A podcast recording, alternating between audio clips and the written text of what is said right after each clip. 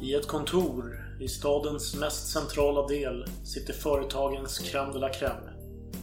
Den högsta chefen sitter på bordet och vräker i sig charkuterier, nygräddade bullar, nybryggt kaffe från den mest exklusiva kaffemaskin som finns på marknaden. Bredvid honom sitter två av hans närmsta rådgivare. En bit bort i rummet sitter chefens fru omgiven av en man som med yttersta diskretion gör allt för att tillfredsställa hennes behov. Stämningen i rummet är lättsam. Sen kom den där saken från förvaltningsenheten fram till mig och skulle skaka hand. Är det sant? Vad fan trodde han? Vad gjorde du? Han stod där med handen framme och väntade. Så jag spottade honom i ansiktet och gick. Haha, så jävla rätt! Vilka tror dessa lågavlönade människor att de är egentligen? Herr direktör, jag har kvartalsrapporten här. Er fru har tydligen spenderat en hel del på något bygge av en lantlig idyll. Aj då. Ja, men det är nog ingen fara. Vi får väl göra som vanligt och sänka arbetarnas lön igen. Titta ut. Vad fan är det som händer? Företagets lågavlönade arbetare stirrar inom glasväggarna som omger kontoret. Det skriks det mest ohyggliga ord som kan tänkas. Ja, du suger! Jävla sopa! Jakobin! Vad ska vi göra? Gömma oss? Vi ringer vakterna och kuvar denna mobb av uslingar. Dessa lågavlönade söner av en simpel man. Det bästa vore om vi öppnade dörren på glänt och lyssnade på deras argument. Chefen funderar ett tag innan han tar ett beslut. Uh, öppna dörrarna. Här är den feta uslingen. Uh, vad kan ni tänkas vilja mig? Vi vill ha rättigheter. Vi vill ha fem veckors semester. Sjuklön. Lönesamtal. Fackliga utbildningar. Skyddsombud. 30 minuter rast. Åtta timmar arbetsdag. Ja, den börjar kasta stolar och andra saker. Ska dö. Slå han. Oj, oj, oj. Vad ska vi göra? Det börjar med semester, men slutar med fackliga pester. Börjar krav på en massa rättigheter. En väg som endast leder till hemskheter. Åtta timmars arbetsdag. Vad ska de göra resten av dagen? Detta är bara ett resultat av ett tragiskt upplysningsideal som gör oss alla lika inför lag. Nej, min chef. Och framförallt din fru. Ni bör ta er chans och rymma nu. Jag stannar kvar och bildar ett försvar. De tittar sig omkring och ser hur de övriga på kontoret har gömt sig under bordet, skärrade av situationen. Jävla hycklare! Chefens fru tar tag i chefen och drar honom till mitten av rummet. Hon viskar något i hans öra. Chefen harklar sig. Mina kära anställda som lever i kronisk fattigdom. Det har nu kommit till min och mina vänners kännedom att ni vill ha en massa mer. Men då måste ju jag skära ner på min supé. Tolv rätter blir till tre. Detta kan jag inte kalla för mänsklig rättighet. Jag förstår att ni lider. Ni ska veta att det svider. Varje gång jag hitom ser blir jag så äcklad av er. Ni får mig att tro att jag befinner mig i ett fattigkvarter. Se så, se så. Vi ger iväg. Jag måste återgå till mitt arbete där jag ägnar mig åt rusdrycksdrickande. Anställda stormar in på kontoret och slår sönder inredningen. De tar med sig chefen och hans fru till de hemska lokalerna med ljusrörsbelysning och bryggkaffe serverade ur koppar med spår efter tidigare inmundigare av denna dryck.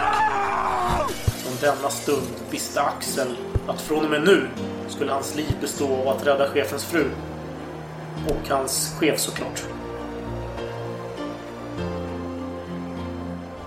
Jaha, välkomna till ännu ett Du gäspar. jävla slöfock. Ja, kör. Välkomna till ännu ett avsnitt av Salongsberusad historia. Avsnitt... Är det 16? Jag tror faktiskt det. Jag tror det, ja. Jo, precis. Det är del två i vår saga om Axel von Fersen, den yngre. Och det är så att vi hade en omröstning på vår Facebook-sida om hur många avsnitt det skulle bli. Om det skulle bli två eller tre avsnitt. En viktig detalj. Avsnitt till. Ja, jo, om. Fersen, eftersom vi har ju Ja. Fersenska mordet sen tidigare. Och med en rösts marginal så blev det tre avsnitt ska bli nu här. Så det här är del två utav tre. Jag hörde att du hoppade i soffan av glädje när Ja, jo, jag känner lite som. Alexander den sjätte där, eh, påven. ja, han har mutat mig fram lite till detta resultat. Men det är, det är så får man göra. Man får använda de man känner för att rösta rätt. Eh, men innan vi börjar så har vi en lek och vi har gjort om reglerna för denna lek. Det har ju varit ganska uselt resultat. utdelningen har varit knapp. Ja, om Ja, inget poäng. alls. Så vi har gjort så här att eh, vi gör oss om och säger fyra alternativ till den andra. En av dessa ska bort. Man får gissa. Svarar man rätt får man 5 poäng. Svarar man rätt med rätt motivering får man 10 poäng. Svarar man fel så får man veta vem som ska bort. Och hittar man kopplingen då, den tänkta kopplingen, så får man 5 poäng. Och eftersom vi har eh, nya regler kring leken så har vi även ett nytt intro. Så välkomna till denna lek!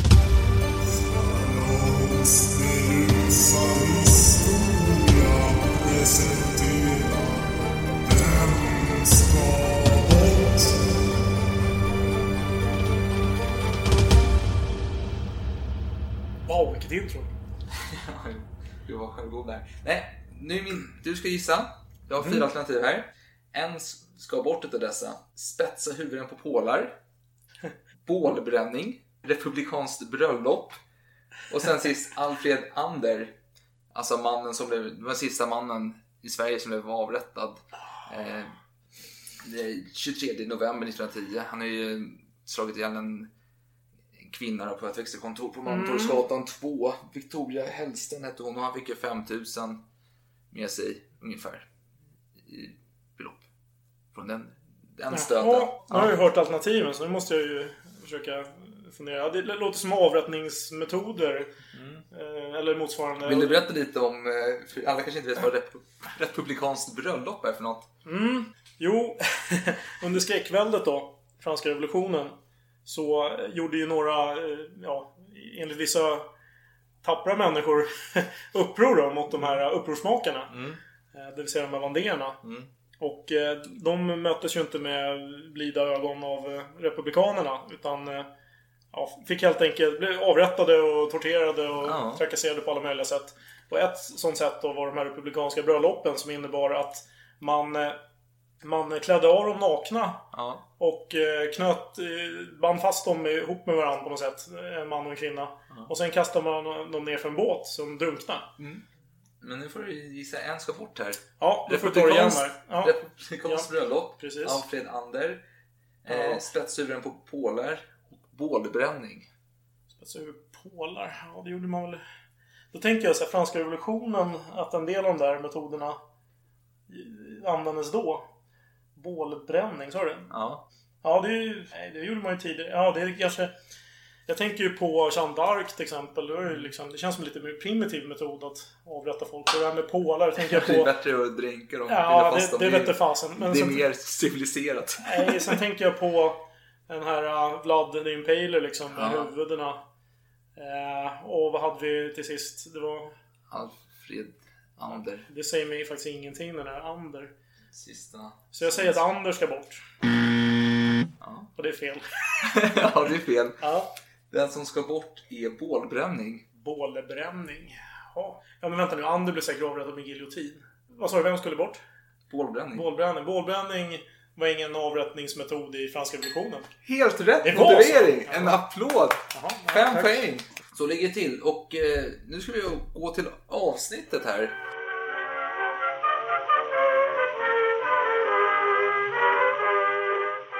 Vi har lite rättelser att göra, eller förtydligande att göra från förra avsnittet. För till exempel pratade vi om eh, Lisbeth Foster och hans älskarinnor i Italien där och Jag skulle lägga till ett förtydligande där, men så började du prata om eh, dickpics där så vi svävade iväg lite. Men det är så här att det är lite, det är diskussion om de verkligen var älskarinnor till honom där. Det går lite olika åsikter kring det och Foster framförallt som hade en historia med Fersen senare också. Att de skrev mycket brev till varandra. Han fixade jobb åt hennes son på den brittiska ambassaden i Stockholm senare i livet. Så, så det finns eh, lite olika åsikter kring det. Och sen, Och, det var otydligt i avsnittet. ja, för jag sa ju att de vildade på och du Ja. började prata om dickpics. Så jag vet inte riktigt, jag hann inte flika in det, jag tappade bort mig. Det behöver inte vara osant, det är bara att vi inte vet. Nej, precis. Men sen finns det också det här med regementet av Royal Suédois som han köpte. Pappan, han godkände att vi köpte det. Han ville inte betala för det. Så Fersen fick ju faktiskt ha ett eget lån. Och det gjorde han när han kom tillbaka till Paris efter italienska resan med Gustav III innan stora festen Trianon där. Då tog han det här lånet. Men vad var det som utbetalade det? Nej, men jag vet inte. Hade, inte historien. Nej, men han hade Ludvigs goda Ja, min till det. Ja, okej. Ja. Han pekar på Ludvig. Ja, han går god för mig. Ja, och det är ganska intressant där som vi inte tog in riktigt, men det är ju så att Marie Antoinette har ju hetsat om detta också. Hon har ju, när Axel, han skrev ju brev till sin syster när han kom tillbaka från USA, att hon får inte berätta något för pappa Fersen, men de, han har planer på gång här. Maskineriet drog igång direkt. De använde alla kanaler här för att pappa Fersens goda vän som var bunden till franska hovet gjorde övertalningssaker och Marie Antoinette skickade runt diverse brev till Gustav III och så vidare. Så Om pappa Fersens vän är inblandad så känns det som att pappa Fersen snart får veta det ändå. Ja, ja, men- ja. Ja, ja, det här var ju lite en sidodiskussion. Ja, precis. Men sen är bara det sista, Trianon. Man kan ju lätt få intrycket att det var 88, för vi hoppade direkt efter Trianonfesten som var 84 till 88, det är kriget. Men det, det som hände mellan 84 och 88, det var ju att Fersen var fram och tillbaka i Paris. Han hängde där och, med sitt regemente och lite i Sverige, lite fram och tillbaka. Skrev mycket brev till Marie och var hos henne. Men nu är vi i alla fall 89 har vi hamnat i. Fersen är tillbaka i Paris. Och han hänger där mycket. Och eh, vi kan ju bara, jag tänkte, du kanske undrar, hur såg hans kostnader ut i januari 89? Tänker du pengamässigt, siffermässigt eller? Ja, du kanske vill ha lite exempel här vad han spenderar? Ja, det vill jag gärna veta. Mm. Men sen exakta siffror säger mig kanske inte så mycket. Nej, men det är så här. Eh, han betalar 12 liv för att passera ridskolans mark i Versailles, området. 53 liv för foder till hästarna. 37 liv för ved i Versailles. 10 liv för mindre utgifter. I februari så betalade han 126 liv för en dekoratör på Versailles för att fixa tapet. Han hade en liten stuga där och Marie hade installerat en svensk spis eller vad man ska kalla det för. Vet du vad jag tycker det här låter som? Nej, En egenföretagare som vill liksom eh, skriva av lite skatt här och måste dokumentera varenda inköp. Precis. Och sen är han ju dricks. Och då tänker du säkert, är han en bra dricksare eller är han en snål dricksare? Jag tror han är en bra dricksare för han klagar ju på att uh, hertig Karl eh, var snål. Ja, är han ju eh, senare. där, Ja. Ja. ja, han betalar 24, 24 livre. Det känns som en standardsiffra för eh, dricks. Mhm. När det är bra känsla då. Det är en tjänsteflicka på hotell de Louvienne, eller Louvienne kanske man säger. Och drottningens kurir som får detta belopp denna månad då, februari. Och vad motsvarar det då idag? Det är lite olika. 200 spänn. Det beror på hur man räknar guld och silvervärde då och nu. Mm. Men mellan 450 kronor till 2259 kronor. Oj. Och 24 livre var alltså motsvarande ett guldmynt. Eh, Louis då. Ja, då- Louis då, ja, ja, just det. Så det kanske var det, han kanske inte var så givmild, det kanske var enklast liksom. Han hade bara sådana mynt i, i sin pengapung. och det är ganska intressant för hans högst betalda anställd, Johan, eller John hette han förlåt, fick 100 livre i månaden. Så detta var ju en fjärdedel i dricks utav en eh, månadslön. Men han var en high roller. Ja, han han hade ju bara stora sedlar eller mynt i fickan. Ja. Och han kunde inte ge ingenting. Då får han ju ge de här stora Ja, mynten. precis. Det är ändå pappa som betalar. ja, stämmer. Men när han kom till Paris så skrev han brev hem till sin syster Sofie då. Så skrev han. Gud så lycklig jag är över att vara här. Om jag bara kunde få se er skulle ingenting saknas i min lycka. Åh Gud! Om jag bara kunde få se er två tillsammans. Och de två tillsammans är ju då Systern och Marie Antoinette. precis. Och syster Fersen kan väl inte känna Marie Antoinette? Men de pratar mycket och de har ju längtan över att få träffa varandra. Det har de ju sagt många gånger. Mm. Men det blir i alla fall lite oro här och eh, jag vet det, jag har någon lyssnare här som eh, tycker det är lite oklart när vi pratar om jakobiner. Vad är jakobiner? Så jag bad dig utveckla det. För att det inte ska ta för mycket tid så får du en minut på dig att förklara vad är en jakobin? Det här var ju tre gånger kortare tid än jag blev informerad om. Det här är jättejobbigt. Eh, Okej, om man ska... Klara, vänta, klara, färdiga, gå! Ja. Jakobinerna är en politisk diskussionsklubb. Den har haft många olika namn. För den har splittrats och sammanfogats flera omgångar. Och det som kännetecknar dem är att de radikaliserades och bildade det så kallade skräckväldet. Som eh, verkligen fick genomslag i 1793 ungefär. Den mest framträdande personligheten i den här klubben hette Maximilien de Robespierre som vi alla vet. Eh, framförallt du eh, brukar klaga på. Han var, man. han var en eh, lömsk man. Han eh, manövrerade ut sina konkurrenter. Och en av de som han utmanövrerade hette Danton. Och hur utmanövrerar man någon vid den här tiden?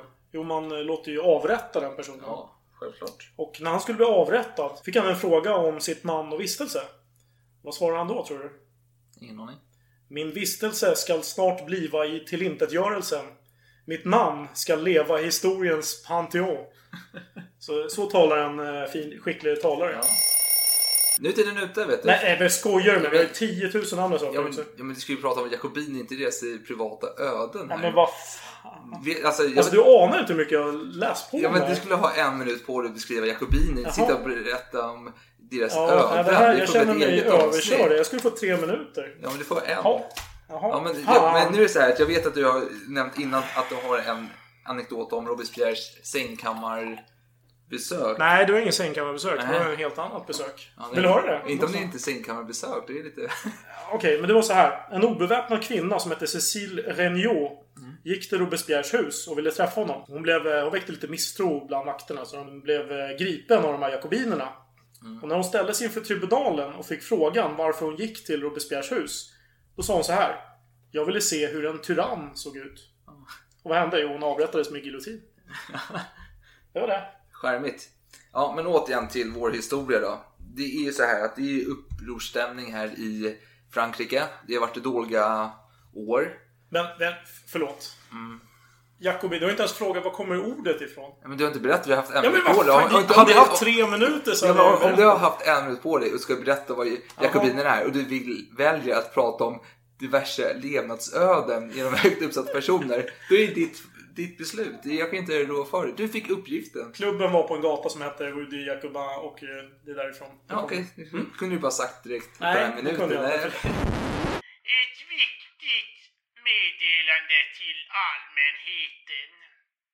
Gatan heter Rue de Saint-Jacques, inte Rue de Jacobin. Rue de Saint-Jacques på latin eh, innebär, ja, eh, Rue de Jacobin, ja, jo visst. Men det är lite fel. Slut på meddelandet. Det hade varit Ja, men nu, nu pratar jag faktiskt om vad som händer Ja, i ja. Frankrike. Det är oro, det är missämja, det folk svälter och eh, i Versailles lever kungafamiljen väldigt flott och man är besviken och upprorsstämning. Och du- som du pratar om här, jakobinerna är överallt och förpestar sin omgivning med sina idéer. Ja, det här är inte bra alltså. Det här är inte bra. Och eh, Fersen skriver faktiskt sedan 8 juli 89 ett brev till eh, kungaparet. Eh, där han nämner att han har ju sitt regemente i Valencien där. Royal Soda, och han skriver att han, allt han vill är att få komma och till eh, slottet och skydda dem. För, det, för slottet tillkallar lite soldater. Men de tillkallar inte utländska regementer utan ut, tillkallar sig franska och det tycker Fersen är dåligt. För fransmän kan man inte lita på i dessa stunder. Utländska trupper, de kan man lita på här. Och jag, jag tänker bara, jag ser en röd linje här, tråd som går här genom alla våra avsnitt. Där vi är, vi har flera stycken som nämner hur fr- fransmän som soldater är Säger vi gör det? Ja, han sa det att de, är, de lämpar sig inte för disciplin och sånt. Jag måste ha förträngt det. Ja. Nej, men i alla fall, skit i det. Men eh, han får inte komma dit. Men han säger att allt han vill är att han skulle bli så upplyft och glad om han fick komma och skydda kungafamiljen. Mm. Men det är ju lätt att kanske dra för många växlar på med franska revolutionen. Det var inte så att det över en natt eh, att man störtade monarkin. För det var ju, Nej. det var ju flera fraktioner och vissa av dem var ju mer moderata. De tänkte så här, jo men en konstitutionell monarki, monarki vore inte så dumt. Det funkar ju aldrig, det fattar ju vem som helst. Men i alla fall, det var ju inte så att kungen var helt värdelös på över en natt. Det var han ju inte. Han hade ju fortfarande hans namn på mynten i liksom flera år framöver. Jo, jo. Så det, är lätt att tro något annat. Ja, men så var det inte. Men Jakobinerna hade inte makten nej, heller. det blev ju uppror i Paris i alla fall. Och man tänkte nu ska vi ta vapen. Vi stormar Bastiljen och eh, avrättar folket som är där då. Några stackars eh, fångvaktare som vi, viftar med vit flagg. Men En skitsamma. Marquis de Sade. som gillade att skriva lite böcker om diverse, ja får man säga, ekivok. Saker. Ja, skitsamma. Ki- Kittligt. Ja. I alla fall.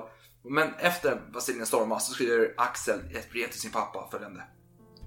För närvarande är det ganska lugnt i Paris, men ingen kan säga hur länge det ska bestå. Massor av människor lämnar dagligen staden och i vinter blir det en ödslig plats. Kungen besökte häromdagen Paris. Man hoppades att lugnet härigenom skulle bli återställt. Men besöket tycks inte haft åsyftad verkan. Det är lägsta dräggen av befolkningen som orsakar all denna oordning. Vi har haft lite bråk även här i Valencien, men nu är det lyckligtvis över. Orostiftarna tycks hålla till i alla delar av landet.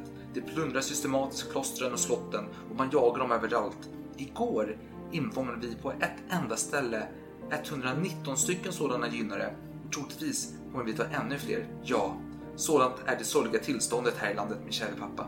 Det finns inte längre några lagar, varken ordning eller rätt, ingen disciplin, ingen religion. Alla band är brutna. Hur ska man kunna återknyta dem? Jag vet inget svar, men detta är följden av Englandsvännerna och filosofernas upplysningsidéer. Frankrike ligger i ruiner lång tid framåt. Ja... Ja, det, det värsta har ju inte hänt. Nej. Tänker jag. Nej, men nej, det har det inte. Men, Och, och, jag bara... Fyra år senare när jakobinerna äntligen tar makten och Ja. inför det så kallade skräckväldet. Då inför de en del väldigt skräckinjagande saker som en demokratisk konstitution, införande av allmän skolgång, eh, 1793 års deklaration av de mänskliga rättigheterna, en jordlottsreform till stöd för fattiga. Så att, Ja, men Det var ju ganska hemska saker, Ja, alltså. det var väldigt hemskt. Usch. Nej, nej, Så det- det nej. kommer ännu Åh, värre Nej, jag. Det blir oh, hemskt. Nej, men det är så här. Och eh, kungafamiljen är i sorg av flera anledningar. Den 4 april samma år, några månader tidigare, då, så hade deras förstfödde son dött. Kungen och drottningens. Så det var ju lite sorg här. Och eh, delfinen. Mm. Trots detta i september så med ett regemente från Flandern som skulle få lite firas i Versailles här. Utländskt.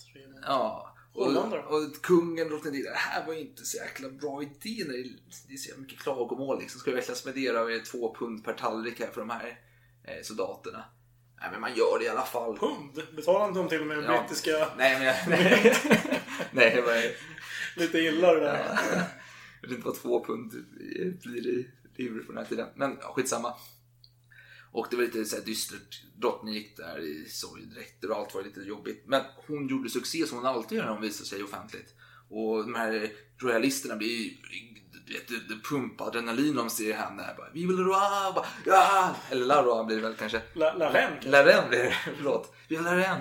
Och de blir bara galna när de ser henne. Och nu har ju haft den här äh, hemska trikoloren-flaggorna upphissade i Versailles. Men nu drar man bort dem och så drar fram de här kungaliljorna fram igen. Liksom. Det, Vita flaggan. Ja, det är fantastisk stämning och inte något som sitter och super. De går ut i Versailles och skriker. Vet. Jag ser mig framför mig att de går och sparkar på en soptunna och bara skriker, skräpar ner mycket. Tänker återigen på Stockholmsveckan. Vad fan jävla gotlänningar, bort med er! Flytta på dig! Precis. Det är den stuket här. Och eh, ja, när det- detta nådde Paris, de blev ju vansinniga. Vad fan är det här? Och det gick rykten om att det var orgier på slottet och vem skyller man på då om det är orgier på slottet? Det är Marie Antoinette. Det Det är är, ju, Marie- det är ju Trianon. Ja, Det är där allt händer. Ja. Det vet ju alla. precis. Hon får skulden. Och nu händer, alltså svälten fortsätter och den 5-6 oktober då kommer det här stora kvinnotåget till Versaillesslottet. Då. Alla kvinnor går där och vill ha bröd och skit och de går runt där med vad heter det, stavar, vad fan heter det? Eh, pinnar och håller på och höjter. Och, de är, och det är någon i Maries hov som senare berättar att det var hemskt syn detta. Här stod dessa utmärkta kvinnor nästan nakna för deras kläder var så skitiga och hade ramlat av och de var så jävliga. Men det är något annat som händer här. Något hemskt. Det är ett mordförsök på Marie Antoinette här. För det är så att de vaknar till massa oljud. En av hennes eh, betjänt eller hovdamer kollar ett rum och där står en vakt och brottas med de här jävla männen som har kommit hit och ska döda. Och han skriker rädda drottningen! Och hon hoho, hoppar upp i, inte riktigt påklädd då, men hon springer iväg till kungens rum och knackar på. Men hans dörr är dubbellåst. Så hon skriker hjälp, hjälp! Och den som är där inne, det är ju kungens betjänt och han hör ju att det är Maries röst. Så han släpper in henne då och de klarar sig. Och Axel, han är ju här i vaktstyrkan när det sker. Och han slåss lite, brottas lite, säkert en bra höger på de jävlarna. och sen hoppar han ut genom ett fönster då. Hop- Hoppar han ut? Ja, det var bästa. Men det blev för mycket. Det är din eh, dramatisering kanske? Nej, jag, Eller det var så det alltså enligt en bok från 1917 så hoppar han ut genom fönstret. Ja, ja. Ja, skitsamma. Och då kommer det så här, folk står utanför då och skriker Kungen till Paris! Kungen till Paris, så vi vill se drottningen! Och eh, Lafayette då, eh, Han, man Ja. kan säga att han är både fångvaktare och eh, beskyddare av kungen. Han är den som upprätthåller ordningen. Mm. Och kungens närmaste man kan man säga. Ja, han står för skyddet utav kungafamiljen fast han håller dem ändå fången på sitt sätt. Blir det ju också. Det blir det är två sidor på myntet här. Eh, och han går till drottningen och säger hon, hon säger sig, jag vill inte gå ut och visa mig. Han säger, men det är det enda som kommer lugna en, detta. Sa hon, jag gör vad som helst för att lugna detta, jag dör även för det. Så hon går ut där på balkongen och visar upp sig. Hon har med sig barnen och bara "Eh, bort med barnen. Så slänger in barnen igen. De står där. Ganska dramatisk eh, scen. Sorgligt och hon får ju stöd där. Alltså hon imponerar ju på folk. Det är ju så även att två stycken får gå in och träffa kungaparet. Och de svimmar ju. Utav uppsynen. Nu, nu har du bara beskrivit hur de kastar bort barnen. Att det var så dramatiskt och, och älskvärt. Hon står där och pratar lite och Okej. folket, alltså Hon, hon tjusar folket. Ja, hon gör det. Men de säger kungen till Paris och kungen säger ja, fan jag drar väl till Paris, det är väl trevligt. Eh, Och, eh, men i alla fall att min poäng är att hon skärmar sin omgivning under denna period. För tidigare har hon varit ganska, hon bryr sig inte om ett skit egentligen. Hon är ganska, oh, oh, oh, nej, vad roligt. Och här så blir hon den som har pondus. Hon är den som visar och förmedlar. Och är, hon har en betjänt som senare kommer beskriva henne att hon behövde ingen krona för att regera över hjärtan. Det var en ganska fin eh, sak. Men Axel, eh, han, eh, han hade sagt till kungen tidigare, ska vi fly? Men de hade inte vågat. Han hade velat att de skulle fly härifrån nu, men det blev inte så. Och han tänkte tillbaka på denna dag, senare i tiden, i framtiden, några år senare. Så skrev han så här i sin dagbok då. Jag kommer så väl ihåg denna dag, all vår rädsla i Versailles. Om det hade givit sig iväg skulle de ha varit räddade. Vad jag har förstått så är det först nästa år, det vill säga 1790, som man är, verkligen börjar fundera på att fly. De första tankarna formas kring det där. Jo, precis. Men det här är alltså när man hörde att folk var på väg och det blev lite hetsk stämning här. Så tänkte man, att ska man fly från Versailles? Det du pratar om, det är när de har kommit till Paris. Då. Ja, jo, Och- absolut. och- eh, det är lite intressant, tycker jag personligen. För eh, några år senare efter detta, nu hoppar vi fram lite i tiden, så bestämde man sig för att sälja inventarierna. Och mellan klockan 10 på morgonen den 25 augusti 1793 till den 20 augusti 1794, nästan ett helt år, så såldes 17 182 föremål utan uppehåll. Oj. Från eh, Versailles. Ja, Mm och då var det en man då som hette Quentin Crawford som var med och köpte en hel del utav detta. Mer om honom senare i avsnittet. Och eh, det var ganska hemsk stämning här. De åkte, de åkte i vagnen in till Paris och vet, folk står bredvid och skriker. Du vet, så här pöbelbeteende, kastar lite sten, lite jobbigt. Och Fersen skriver så här då.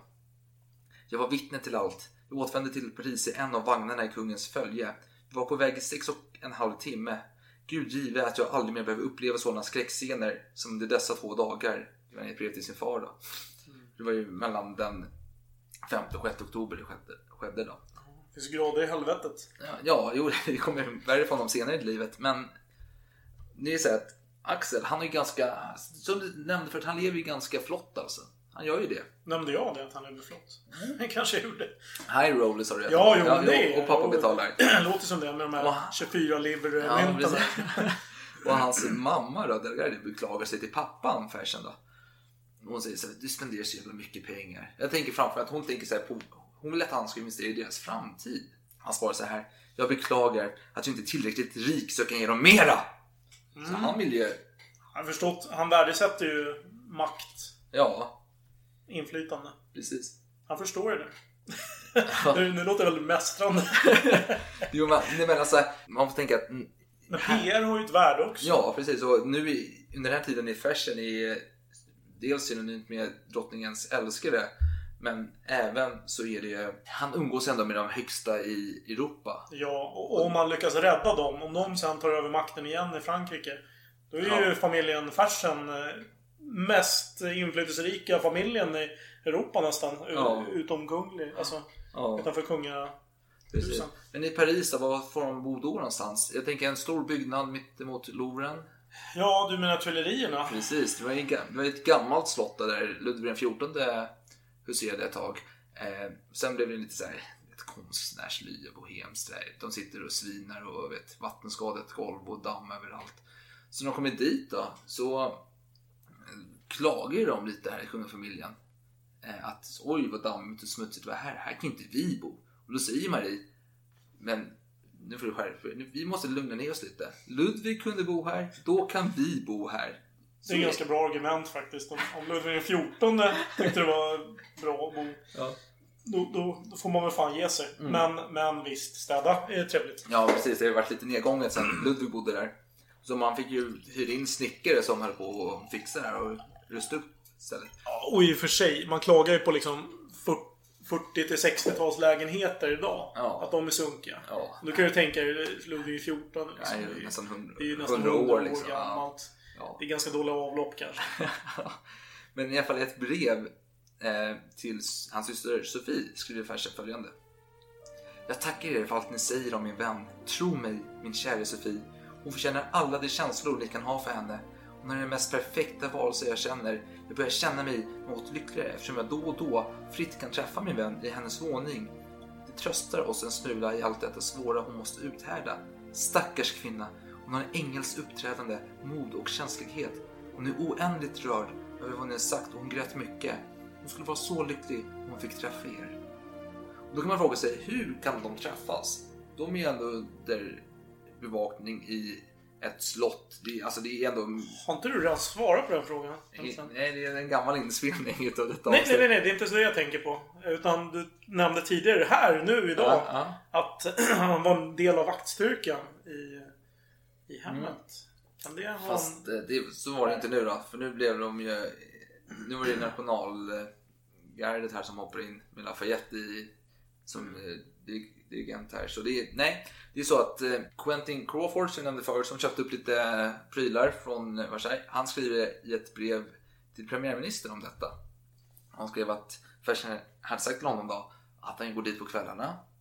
Eh, de träffas i kungens eh, garderob då. Och då menar vi inte en sån här liten garderob från Ikea. Utan det här är alltså på den tiden en garderob. Ett rum där. En riktig garderob. Ja, precis. Och han kommer där på kvällarna går han. Han har en rock på sig och en rund hatt. Och han har ett tjänstepass på sig. Så biträde. Alltså tänk dig så här, passerkort för hembiträde liksom, eller något sånt där. Och så han kommer in dit och gömmer sig i den här garderoben. Då. Det är så han kommer in. Han har ju När, när kommer Fersen ut ur den här garderoben? Ja, det var en rolig. ja. Men sen i alla fall, vintern så gick ju kungafamiljen till ett annat slott i närheten. Vet du vilket? Eh, är det i Saint Claude? Sankt Claude, ja precis. Det stämmer. Vilket år pratar vi nu om? Så att jag är med Ja, men nu är det alltså vintern mellan eh, 89 90 Ja, okej. här. Mm. Ja, Ja, trevliga tider. precis. Ja. Då gick det för sig. ja, och då hade de, det var lite friare liksom. Mm. Och Fersen, var var han någonstans under den här tiden? Ja, kanske hakar på. Jag Ja, han var i närheten. Han hade en liten boning här i, i hagen bredvid liksom. Och han, och han var ju smart. För han skrev till sin syster Sofie, skrev med i sanningen. Men till sin pappa daterade han eh, breven, ett annat datum och ort. Han skrev Paris när han skickade dem. Mm, han ville mörka det där. Han ville mörka det så att han skulle tro, och framförallt om det skulle komma fast den här breven, Mm. att oj, han är inte inblandad i något. Han är i Paris och skiter i Marie här. Alltså han ser så, sin syster som lite mer förtrolig kan han vara mot henne kanske. Mm. Än pappa Fersen, det är ju som att skicka till polisen. Liksom. Det är bäst att Precis. passa sig vad man skriver. Men det är lite friare där på um, kluddet, eller vad man kan kalla det, slottet. Luddet. Ja, jo, men och kungen har många chanser att fly. Det är, under en rider han ute med sina, han har ju eh, han rider som två av sina royalistiska vakter med sig. Sen är det två av de här national, Nationalgardet. som är. Mm. Och då, han åker lite längre än vad han ska få åka. Han prövar gränser. Han, Han prövar gränserna. alltså. Han, Och då tänker man hans vakter att nu gäller det liksom. De tar, vet, jag, ser, jag ser framför mig att tar handen på värjan liksom bara beredda på att vända om och hugga ner de här jävla Ja. eh, demokraterna bakom dem. Ja, jag tror tvärtom att, att det var republikanerna, gardisterna Ja, som skulle göra det. ja. Nej. Men sen helt plötsligt så vänder kungen tillbaka och han har inte förstått detta. Nej, men han, han utmanade ödet, men han visste inte ens om att han gjorde det. Han var en bad boy fast egentligen inte. Han, han var bara en bad boy. Och eh, så vakterna behövde inte slåss med varandra. Nej, precis. Det var... Det var härliga tider. Det bra var, ingen, ja, det var ingen som satte dit honom. Nej, ja, och det är bara en liten rolig anekdot här på sidan om här. Knivarnas dag. Känner du igen det? Är det något bekant begrepp för dig? Ja, det säger mig någonting, men det är från Tyskland så det kan ju inte vara rätt. Det vara Nej, det här är ju 1700-tal. Och det, alltså, varför jag tar upp denna sidan. Det är inte de långa... långa dolkar alltså. Nej. Nej. Nej men det handlar ju bara för Fashions karaktär här lite, bara för att ge en lite bredare bild. Och det är då att ett falskt rykte går att kungen var utsatt för fara. Så ett hundratal royalister stormade slottet för att skydda kungen. Och eh, alla var beväpnade med pistoler och knivar och så vidare. Men Lafayette han lyckades avbeväpna dem alla liksom, utan att det hände någonting. Allvarligt. Och Axel kommenterade det till Gustav III då, Sverige skulle hon tiden, den. Att han tyckte att det var både oförståndigt och respektlöst av royalisterna att komma till kungen i civil frack och dessutom beväpnade med pistoler när en adelsmans vapen rättligen är hans värja. Ja, jag tycker det är skönt alltså. Jag reagerar lite på Lafayette. Han, han känns ändå som en neutral part. Jo. Ändå. Han är varken extremt royalistisk eller extremt republikansk. Utan han, han håller sig i mittfåran. Ja, om, man, om man hoppar fram lite i tiden och år så blir det så att de blir stormade i Tullerierna. Man håller på och vill och dödar ett antal trogna royalister som är vakter. Då. Det är något schweizigare det där. Eh, bra folk. Eh, och då blir Lafayette, han blir galen utav detta. Han tycker det är ett, ett jävla skamfläck att man sitter och attackerat kungafamiljen. Han vill dra det vidare upp i rätten men det går sådär. Men i alla fall, det är minnesdagen nu. Det är 14 juli 1790. Och han en väldigt amfibieteater har grävts fram på Marsfältet. Fyrverkerier måste ja, och det är 40 000 platser här. Och Marsfältet är det som ligger vid Eiffeltornet. Precis, det är den här exercisfält egentligen. Ja. Och då kommer ju... Och, alltså, alla royalister fruktar ju denna dag. Vad kommer hända?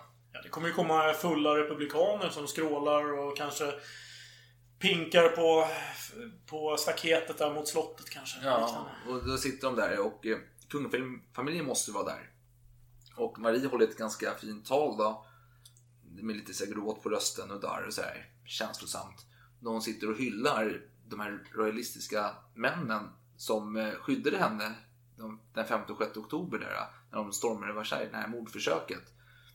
Och det glömde jag nämna, det här mordförsöket, hon, eller det misstänks ju att det var en speciell herre som låg bakom detta, Ludvig Philipp av Orleans då. Ja, en annan eh, kunglighet. Ja, en hertig. Och han har, ja, det är skitsamma. Det är en historia med honom sen när de ska fly senare. Men det tar vi sen. Men man trodde att han låg bakom detta och han och Marie var ju fiender. Hon ville inte föda nya barn för hon tänkte att nej men varför, vad är det för mening med det? Han kommer ju bara låta döda dem. Det var hennes... Det var Intressant logik. Det kanske är bara ett sätt att undvika att hamna i säng- sängkammaren med Ludvig XVI. Vars porträtt jag har skådat några gånger nu senaste Jo, han var ju ganska korpulent. Men, men hon höll ett fint tal där, där hon sitter och, och folk blir ju väldigt berörda av detta och hon lyfter upp honom. Det är relevant för 14 juli. Ja, men, ja nej, men det, det visar ju hennes karaktär lite, tänker jag. Men vad tycker Fers om denna ceremoni då? Han skriver så här till sin far. Denna mycket omtalade federationsfest som motsätts med så stark fruktan har försiggått ganska lugn. Ceremonin som kunde vara storslagen, vacker och imponerande blev helt enkelt löjlig till följd av den oordning och oreda som rådde.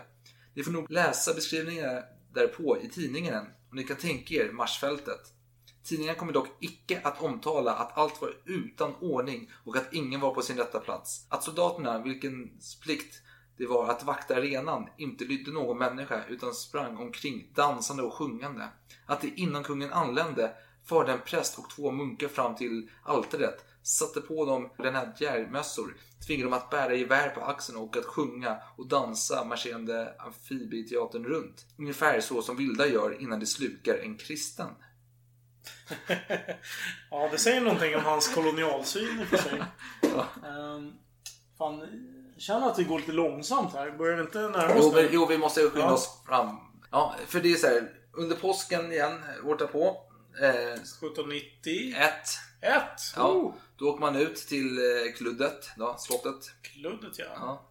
Och där blir, kommer man, på väg dit så blir man stoppad utav en upprepad pöbel som vägrar släppa ut dem från palatset.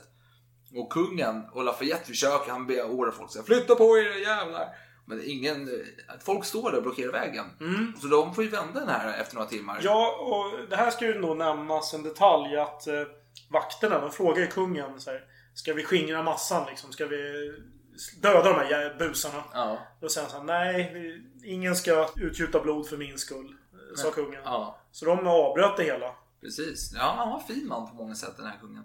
Och eh, kungen ger Fersen då fria tyglar. Och Marie Antoinette säger till Fersen att han litar på er lojalitet och er vänskap. Ja, men så då kommer vi till den stora flykten.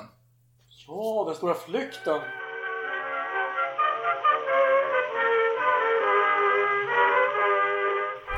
Innan vi börjar med flykten så har jag bara med mig lite, en liten blandning här som jag fick ut av min bror och hans fru. De bor ju i Tyskland. Så det är så här, man ska lägga vitt vin i någon jäkla blandning här. Så jag har tagit med den. Den har stått i några dagar. Det är Här. lite roligt för jag såg att du, du la upp en bild Ja. på, ja, på, på nätet. Ja. Eh, Med det där. Jag tänkte bara Ja, det här ser jag fram emot. Har hur gått det där var då. ja, det vill säga alltså med en ironisk... Ja, ja, eh, Men nu när jag fick veta att jag skulle vara del av det här, då, då bleknade mitt ansikte. Jag kände mig som Ludvig XVI inför giljotinen. där. Ja, jo, men Igen. det är. Den Så. ser ju inte så jättetrevlig ut. Jag, jag vet ju att du har blandat i thai-vin i den här. Ja, thailändsk vitt vin. Det luktar ju trevligt. Ja, vi kan ta, ta Det skål kan jag här. inte säga att det är illa. Nej, men det här luktar gott. Ja, skål ja, det. skål. Jag, jag ska fylla på när det är gott. Alltså. Kanske börja sila det. Det Mycket var, sötma, men det är inte dåligt. det var trevligt. Ja, men i alla fall. Mycket sötma. De kommer fram till att de ska eh, fly då. Och, eh, Varr. ja. och mm. kungafamiljen de börjar förbereda. De eh, skickar ut massa pengar utomlands via Axel. Förlåt, får jag bara fråga dig en sak? Vad tror du föranledde just att det blev flykt precis då? Har du någon, någonting där? Det vi nämnde nyss. Vad var det för Ja, men det något? var att de inte kommer från Saint Claude som kände sig Ja! Claude. Och min källa, det vill säga Françoise Kermina. Som skrev en bok som heter Hans Axel de Fersen Mm. från 1985. Hon hävdade till två anledningar. Och den ena är precis som du säger då, den här påskincidenten året innan. Ja. Att de blev stoppade. Men också eh, en man som heter Mirabeau. Mm. Men han har ju planerat en flykt länge. Men Han, dog. han dog. Han, han är dog död. ja. Ja, jo, han är. Så det var den andra anledningen. Ja, men det, det var ju i samband med detta. Okej. Alltså, eller lite, det var innan, men han hade varit den som först hade förtroende utav kungafamiljen att göra en flykt. Men han dog ju olyckligt. Precis, han var ju en del av det här politiska maskineriet Mm. egentligen. Och när han var borta då, då släcktes ju hoppet helt plötsligt Mm. för kungafamiljen. Men i alla fall, kungafamiljen hade smugglat ut lite pengar utomlands, smycken via Axel. Och eh, Axel skriver ju till sin far om detta. Jag är bunden vid konungen och drottningen. Därtill känner jag mig förpliktigad genom den godhet det alltid visat mig under sin makts dagar. Jag skulle vara en otacksam usling om jag övergav dem nu när de icke kunna göra något för mig, men jag istället kan vara dem nyttig. Till den godhet det förut visat mig har lagt ännu en, vilket jag räknar som en smickrande utmärkelse och till den att det ger mig sitt förtroende. Det är så mycket mer värt som det är begränsat och inskränkt till tre eller fyra personer bland vilka jag är yngst. Tre, fyra personer som är delaktiga i planen. Ja, det det- inner, innersta kretsen. innersta då. kretsen. Ja, det kan nog stämma. Men- Och Axel, alltså att fly är ju dyrt. Det kostar ju mycket pengar detta. Så Axel lånar ju. Han lånar 600 000 livre, motsvarande 36 miljoner kronor, utav Crawford. 120 000 kronor utav sin före detta älskarinna Anna de Korf och hennes mor fru Stegelman. Förlåt, men det är lite dyrt va? 36 miljoner bara för att ta sig över en, ett lands gräns. Alltså. Dagens penningvärde, jag vet inte. Ja, fast det är mycket som ska ordnas med här. Och eh, då användes utav den här Anna de Korf eh, som eh, tillhörde Ryssland då. Eh, hon var gift med en rysk man. Hon var tysk adelsman. Eller adelskvinna, förlåt. Ja. Inte adelsman. Och eh, hon fick beställa vagnen då och fixa pass till dem. Och hur de fixade pass var ju så här. Hon hade ju gods i Ryssland hon skulle åka och besöka. Så hon gick ju till den ryska ambassadören då, Simolin, som eh, var god vän med Crawford och bad om pass till sig själv och sina betjänter. Och alla skulle med. Sen gick hon med passen, gav dem till Axel. Sen gick hon tillbaka till ambassadören och sa oj, förlåt men jag råkade utav misstag elda upp passen. Jag skulle bränna lite andra papper, du vet, det händer lätt. Jag ber om ursäkt, men kan jag få några nya? Och han är ju schysst. Han bara absolut, tryck upp nya. Så hon kan fly sen också, för hon är inblandad i detta. Så hon måste också ta sig iväg. Och eh, då kanske vi ska presentera den andra mannen, Crawford då. Vem är det? Jo, det är en rik herre som gjorde sig en förmögenhet i Indien när han var platschef för Ostindiska kompaniet. Och han hade en dam vid sin sida, fröken Sullivan, som var en italienare född i Lucca, som var, hade varit tidigare älskarinna till Marie Antoinettes bror Josef II i Wien. Men Maria Theresia, alltså deras mor, då, skickade iväg henne. Och då hamnade hon med en rik man som hette Sullivan. De gifte sig. Jag tror de här har vi nämnt förra avsnittet. Nej, gjorde inte det. Tror jag. Och sen eh, träffade hon Crawford där borta i Indien och då skilde hon sig från Sullivan och Crawford var lite rikare också. Och så gick det till. Men det, det finns lite så här siffror igen här. Vad Axel, lite utdrag, exempel på vad han betalar då. Ett resekit med så här nödvändighet man behöver ha på resan. 2853 livr. Bestick och köksredskap 1414 livr. Vagnen 5944 livr. Vill du, du kan du beskriva vagnen? årslöner för alltihop här? Ja. Okej, jag, jag behöver faktiskt inte beskriva eh, droskan. För det finns en eh, historiker som har gjort det. Mm. Hon heter Pierrette Giraud de Coursac. Mm. Så hon är specialiserad på just Ludvig 16. Hon, hon beskriver den här eh, berlinaren då som en vacker Mercedes. Men helt klart ingen Rolls Royce. Ja, det stämmer. Den är, alltså det Och, måste man nämna. och, och rent utseendemässigt så är den, eh, om, jag, om jag minns rätt nu, eh, grön med och så här eh, citrongula hjul. Ja, alltså ryktet har ju gått om att historien att det varit en ganska överflödig eh, vagn. Men det var, en, det var en normal vagn. Fullt rimlig med tanke på vad de sen ska beskriva. De har ju någon slags alibi. De, har, de ska ju låtsas vara någon. Mm. Ja, precis. Det är korf då. Och den har ju champagnehållare och sånt där viktigt. Ja, ja. Fashion ser till ser till att det finns bra mat Det är ombord misstänkt och att sånt inte ha det. Ja, och det är roligt att Fashion testkör den här vagnen lite innan. Och då träffade han ju den här äh, hertigen av Orleans då, som äh, Marie hatade. Då ropade han så här, vad fan ska du med den där vagnen till liksom? Ska du resa med Paris Opera iväg någonstans? Så här skämtsamt. Fashion bara, nej det får du behålla här själv. Jag ska iväg med några andra typ så här. Så red han iväg. Och efteråt, vad fan så är det så för liksom. Men ja, så var det i alla fall. Men hertigen, det känns inte som att han konspirerar med Republikanerna. Med tanke på att han själv är och kunglig börd. Så att det känns lite safe kan jag tycka. Ja, han blev i och för sig själv avrättad 93 men det är en annan Precis. femma. Men han var ju inte, han var ju emot opposition mot allt kungafamiljen gjorde. Och jag får mig att han var med och röstade om hennes eh, dödsstraff sen, Marie. Ah, Men det är ju en intressant historia. Ja, men jag är inte helt hundra på den. Nej men just eh, vilka som röstar för vem, att vem skulle avrättas och sådär. Ja, jo. Det finns ju en del uppgifter om dem. Hur, hur tight det var. Mm. Jo, det var en röstmarginal tror jag det var. Men det var i alla fall, sammanlagt skulle det innefatta 13 personer som skulle fly. Och det skulle innebära 136 hästar på hela resan. Många hästbyten. Mm. Eh, ska vi beskriva det tänkta ekipaget? Vilka, Mm. nu, nu sä- säger vi dels namnet på eh, de riktiga personerna som, loss, som spelar rollerna Mm. och vilka de spelar. Då har vi då Ludvig den 16. Vem spelar han? Jo, baronessan de Korfs intendent. Marie Antoinette spelar guvernant för baronessans barn. Marie Therese, det vill säga den lilla prinsessan. Eh, Det vill säga näst äldsta barnet till kungaparet. Eh, skulle spela en av de, de två flickorna. Det var två stycken flickor som eh, precis. baronessan hade. Sen har vi delfinen. Eh, den här nya delfinerna. Jag säger delfinen för att det är en gammal, urgammal titel på den förstfödda, alltså kronprinsen. Kronprinsen. Skulle spela den andra flickan. Och det här ledde till en del bråk, men det kan vi ta senare. Eh, Markesinnan de Torcell, det vill säga de här eh, kungabarnens eh, guvernant, skulle spela baronessan de Korf. Och en av mina källor, det är en historiker som heter Michelet, han påstår att eh, hon bara lyckades i sista minuten ta en plats i den här vagnen. Eh, för att, och egentligen skulle den besättas av en handplockad soldat till, till en av de här eh, viktigaste parterna i konspirationen då, att få, få iväg dem. Men hur fan skulle det gå till då? Ja, det förstår inte jag heller. För vem skulle då spela baronessen de Korf? Det kan ju ha varit någon annan. En annan tanke kan ju vara att de kanske hade hoppats på fler platser. Jag vet inte. Inte riktigt genomtänkt. Till sist då så har vi Madame Elisabeth. Som är kungens syster. Och hon skulle spela en sällskapsdam till baronessan. För det är klart att, man, att man har en sällskapsdam. Ja, man det är lång väg liksom. Man måste ha någon att spela kort med. herregud. Och det var inte bara dem, det var ju fler saker som var tvungna att åka iväg. Det var ju fri- Sir Leonard, han var ju tvungen att åka iväg och det var massa andra med smyckesvagnar och eh, klädesvagnar. Det var ju en stor operation detta. Det var väldigt stor. Precis, då kan man ju snabbt tänka sig, men fan, sådär mycket spektakel, då är det ju kört. Ja, Men det är kanske inte det som var det största problemet, skulle jag säga. nej. Vad skulle du säga? Jag skulle säga att det är en del... Att det är alla förseningar helt enkelt. Ska vi kanske börja med hur, hur det hela gick till? Ja, för bara, innan vi börjar med hur det gick till, så får jag bara nämna så här. För Fersen, han åkte runt med vagnen och testade den och han åkte runt för att kolla lite vägarna ur Paris då. Han lämnade den hos fru Sullivan då i deras garage. Fan heter det? Stall. Eh, och han, sen får, säger han till sin kusk då, Baltasar att kör ut den på kvällen och parkera den utanför stadsmuren vid Saint Martin där. Du kan ju stå där i mörkret.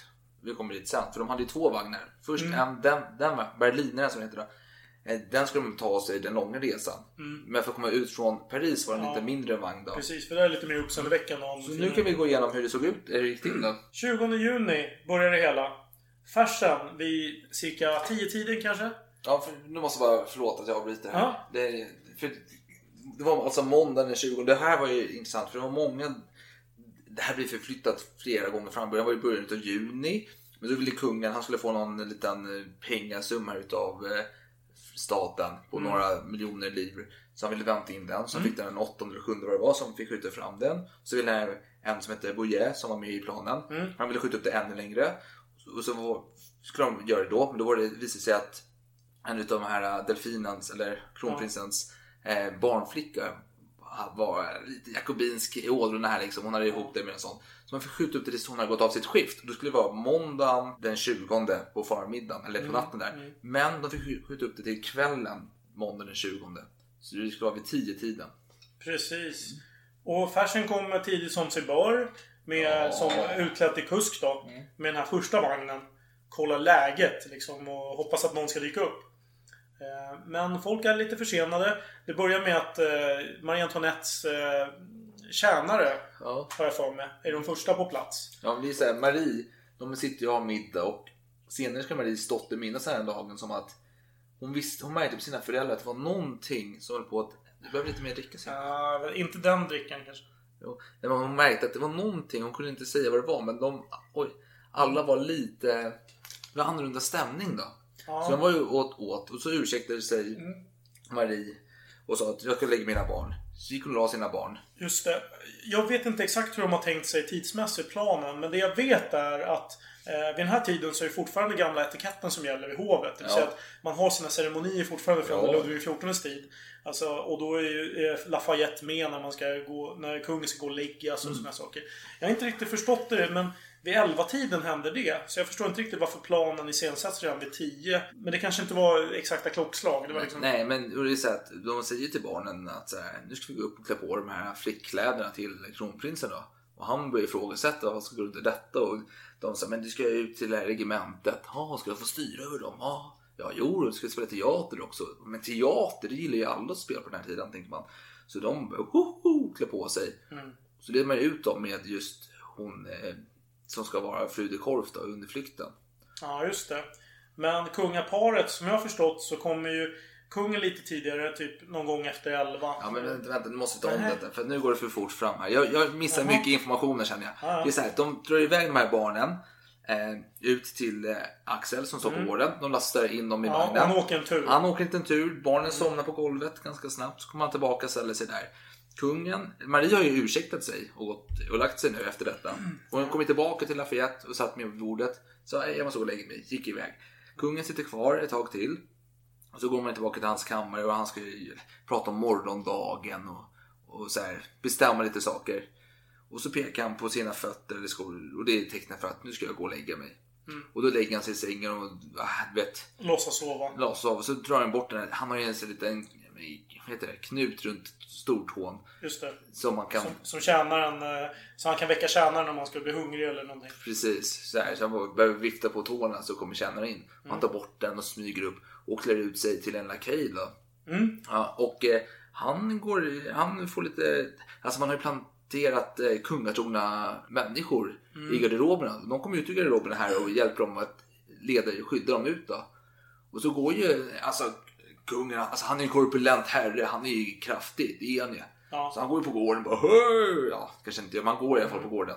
Då kan man ju fråga sig, varför reagerar inte någon när, när detta Jo tillkommer? men det vet jag. Nej men de har ju haft, de, har, ju- de här vakterna har ju sett en korpulent herre som har Ja. gått runt och varit lite odräglig tidigare dagar.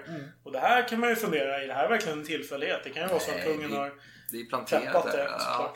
För att precis. kungen är lätt att känna igen. Ja, så han kommer att sätta sig i vagnen och nu börjar så här Lafayette och hans män, de börjar ana det är någonting som är konstigt. De var lite för disträ denna kväll. Lafayette verkligen det. Ja, så de gick runt där på gården och marscherade.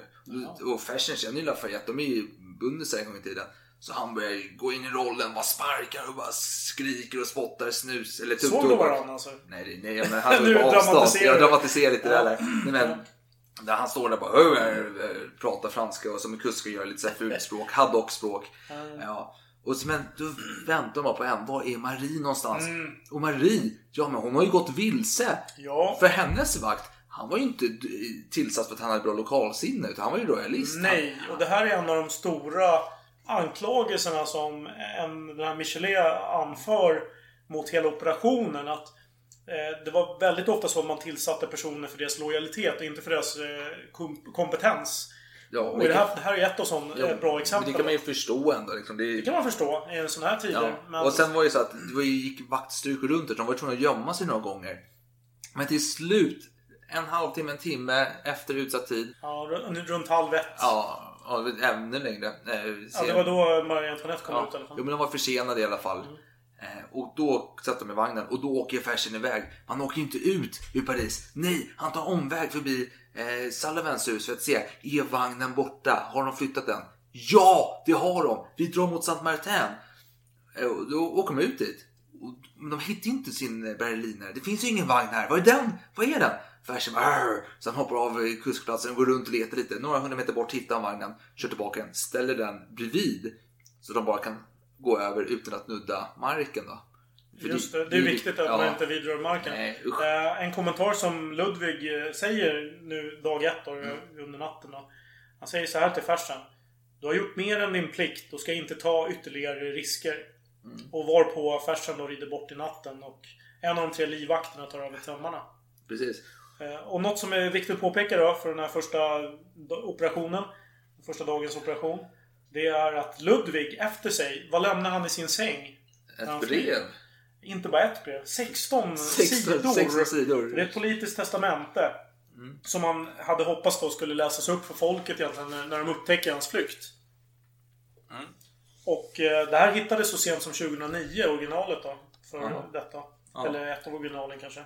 Och finns numera att beskåda i Musée des Lettres et Manuscrits i Paris. Kan man eh, läsa exakt vad, vad som sägs. Men det här censurerades då. Så fort Lafayette hittade det här så eh, försökte han vara mörkare. Och det var ju egentligen bra då för kungapar. För det skulle vara ännu värre om det Kommit fram. eh, ja, hetsade folket då. För den här operationen kommer ju inte gå bra. Nej, nej det är så. Det finns ju olika som forskare, historiker och sånt där som jag kan inte nämna några namn. Men som hävdar att Fersen ser detta chans efter tiden. Att han ville följa med på hela resan men inte fick det. Att det var så efterkonstruktion. För att han skulle hylla sig själv lite och lyfta sig själv. Och att, för att han hade ett brev som skulle till eh, kungar och kejsare i andra länder om det, detta. Och, eh, s- kraftsamla.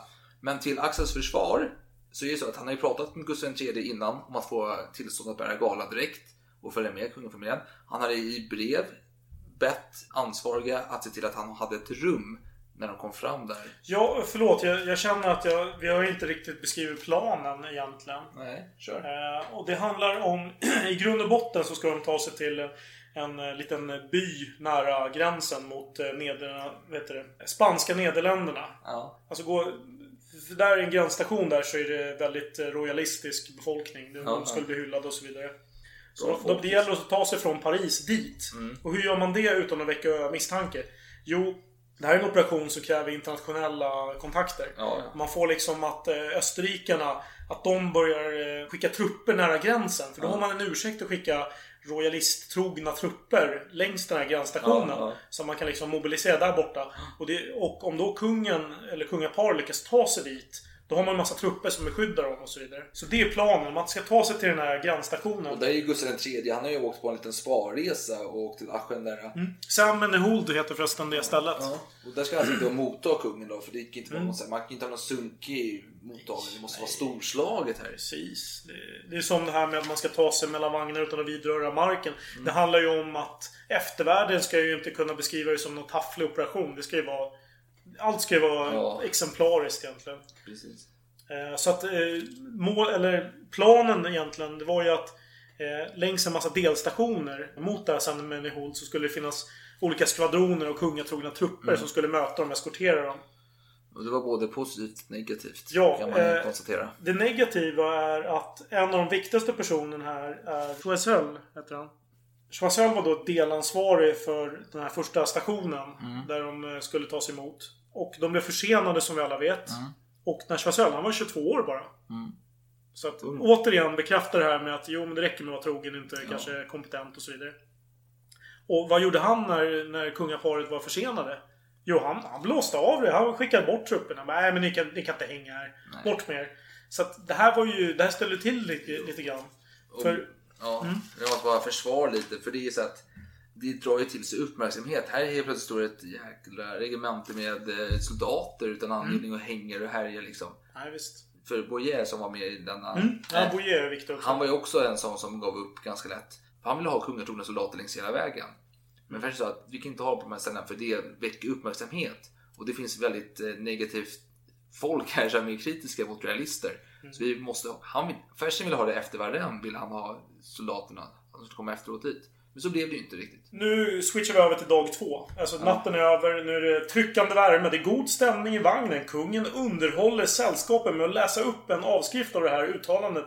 Som vi redan nämnt, det politiska manifestet som ja, uppmanar till kontrarevolution egentligen. Ja. Och det blir lite missöde med hästarna. Och, Så- vagn, och vagnen går ju sönder några gånger också. De får byta hjulen hit och dit. Ja, och eh, det fattas ju misstankar. Det är ju en massa såna här postmästare längs flera stationer som känner igen honom. Men de, inte- de, de stoppar honom- inte, men eh, de känner igen honom. Och, eh, och Lafayette. Han, han skickar ju efter soldater. Klockan 11 på morgonen. Det är då han upptäcker, eller egentligen klockan 7 tror jag. Men, men klockan 11 skickas det iväg en massa soldater i alla fall. Till den här grannstationen. Och eh, det här kunga, kunga ekipaget, det går inte så jäkla fort. Nej. Så att de hinner ju kapp helt enkelt. Ja. De, här, de, de frågar ju bara postmästaren. De, de, de skickar egentligen... eh, Lafayette skickar runt eh, soldater i eh, alla riktningar egentligen. Ja. Och då förhör de sig vid de här ställena. Har ni sett någon, något ekipage med si och så här många människor och så vidare. Och så vidare. Det är ju inte så många jäkla droskor som med Nej. människor som åker den vägen just den tiden. Nej, nej. Så det väcker ju misstanke såklart.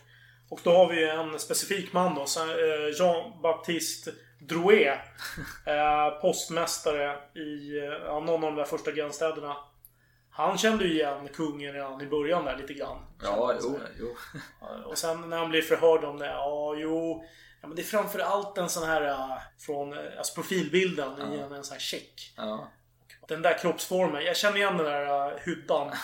Eh, och eh, jag vet inte, jag, jag hoppas att vi kan lägga in en bild i omslaget på den här. För det är Ja, väldigt... Upps, ja, okej.